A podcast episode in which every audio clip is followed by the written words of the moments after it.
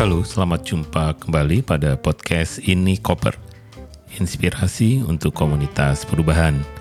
Saya Dani Wahyu Munggoro dari Inspirasi Tanpa Batas. Podcast kali ini kita akan bahas tentang bagaimana kita melakukan intervensi sistem atau intervensi sistemik. Seperti kita ketahui, sebagai seorang fasilitator, kita sering diminta untuk membantu sebuah organisasi melakukan transformasi organisasi ataupun transformasi sosial.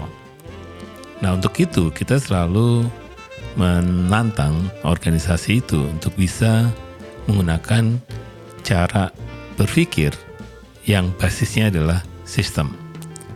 Seperti kita ketahui, sistem itu adalah rangkaian dari unit-unit atau individu-individu atau elemen-elemen yang saling bertautan, saling bergantung, saling terkoneksi, dan mereka sebenarnya memiliki perilaku-perilaku khusus untuk bisa sistem itu mencapai tujuannya.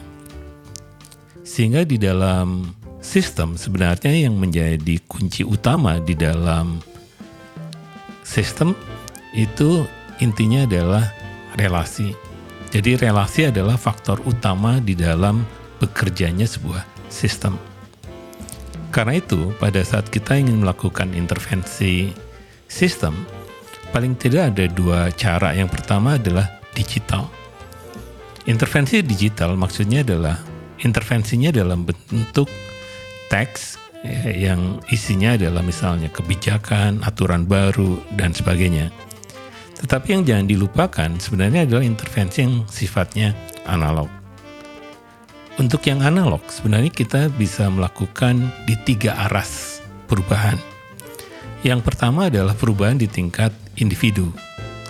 Aras individu yang biasanya kita tahu bahwa yang akan dilakukan intervensi biasanya adalah kemampuan-kemampuan teknikal. Di dalam pendekatan sistem, kemampuan teknikal tidak cukup apabila individu ini tidak juga diubah mindsetnya. Bagaimana kita mengubah mindset individu yang sebelum bisa menggunakan satu keterampilan tertentu, kemudian menggunakan keterampilan tertentu, misalnya teknologi yang baru. Karena itu, mindsetnya itu harus dilengkapi supaya cara melihat apa yang menjadi keterampilan barunya itu juga berbeda. Karena itu sering ada gap, walaupun telah banyak dilatih, kadang individu itu tidak terlampau bisa membantu organisasi mencapai tujuannya. Pada aras yang kedua, organisasi itu bisa diintervensi sebagai sebuah sistem juga sama karena biasanya yang ditawarkan oleh para konsultan pendekatannya adalah perbaikan-perbaikan yang sifatnya prosedural atau proses-proses yang penting di dalam organisasi itu. Tapi juga diingat di dalam satu social system yang ada di organisasi, maka yang disebut dengan problem sistem itu adalah problem komunikasi. Lagi-lagi kaitannya dengan relasi. Karena itu, intervensi yang kita bisa lakukan adalah bagaimana supaya relasi-relasi itu kemudian berubah sehingga menjadi lebih egaliter atau menjadi lebih balance, partisipatif dan sebagainya sehingga organisasi itu memiliki relasi-relasi baru yang lebih baik semakin komunikasinya semakin terbuka dan semakin intens, maka organisasi itu akan menjadi organisasi yang keren. Nah, di arah yang ketiga adalah bagaimana kalau kita ingin mengubah sistem yang sifatnya lebih makro, bisa dalam bentuk komunitas, masyarakat luas, publik, atau juga negara.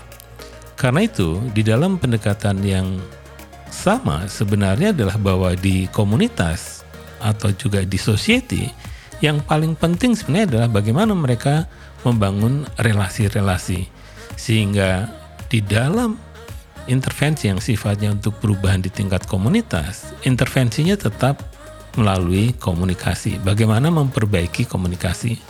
Bagaimana memperbanyak memperbanyak komunikasi? baik yang tatap muka maupun yang tidak tatap muka. Oleh karena itu, lagi-lagi kalau kita belajar intervensi yang sifatnya sistemik seperti tadi, kita bisa bagi tadi kan. Yang pertama adalah kalau perubahannya di level individual, maka yang harus diubah adalah mindsetnya, sistem keyakinannya, ya sistem kepercayaannya, sistem pengalaman-pengalamannya sehingga bisa melihat dunia dari perspektif yang baru. Sama juga kalau kita mulai membicarakan tentang organisasi. Organisasi itu ada elemen-elemennya kan. Mulai dari visi, misi, ada strukturnya, ada sistemnya juga, ada stylenya juga, ada staff-staffnya juga, ada keterampilan atau skill skillnya. Dan itu semua baru bisa berubah bukan pada elemen-elemennya itu, tetapi bagaimana komunikasi antar unit, komunikasi antar elemen tadi itu bisa diperbaiki semakin sering, ada protokolnya sehingga semua proses pengambilan keputusan akan menjadi lebih baik. Dan sama kalau kita ingin mengintervensi komunitas, tidak bisa sebenarnya komunitas ataupun pemerintah misalnya sebagai sebuah komunitas gitu, kita berikan sesuatu hal-hal yang baru atau teknologi baru dan sebagainya belum tentu juga berubah itu kita lihat sendiri banyak apa yang kita ajukan sebagai perubahan kebijakan dan sebagainya kadang pemerintah atau masyarakat kembali ke default sistemnya. Karena itulah yang harus diubah sebenarnya adalah diintervensi relasi-relasinya. Siapa yang sebenarnya menjadi inti dari relasi-relasi itu? Sehingga bagaimana komunikasi itu dibangun mulai dari apa ya dari simbol-simbolnya kemudian cara membuat kegiatan yang fokusnya pada membangun komunikasi antar komunitas kemudian bagaimana supaya pertemuan-pertemuan itu juga banyak bentuknya sehingga pada akhirnya apa yang kita maksud perubahan sistem sebenarnya adalah bagaimana simbol-simbol kemudian misi, visi, apa yang boleh, apa yang tidak itu di di apa?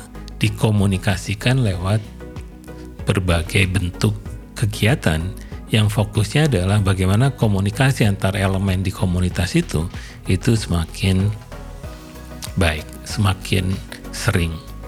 Karena itulah di dalam proses seperti ini kadang saya jadi teringat bahwa communication is everything. Jadi komunikasi itu adalah segalanya. Kalau bagi fasilitator, kalau kita diundang oleh sebuah organisasi untuk men-challenge sesuatu yang sifatnya masalah, maka kita bisa tebak sejak mula bahwa pasti ada problem di komunikasi.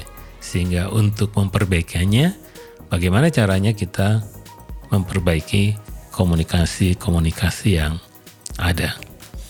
Itu saja ini koper kali ini kita membicarakan tentang intervensi sistemik yang kadang bagi fasilitator bisa menjadi pengetahuan umum untuk membantu proses-proses fasilitasi baik di tingkat individu, di tingkat tim, di tingkat organisasi maupun di tingkat komunitas.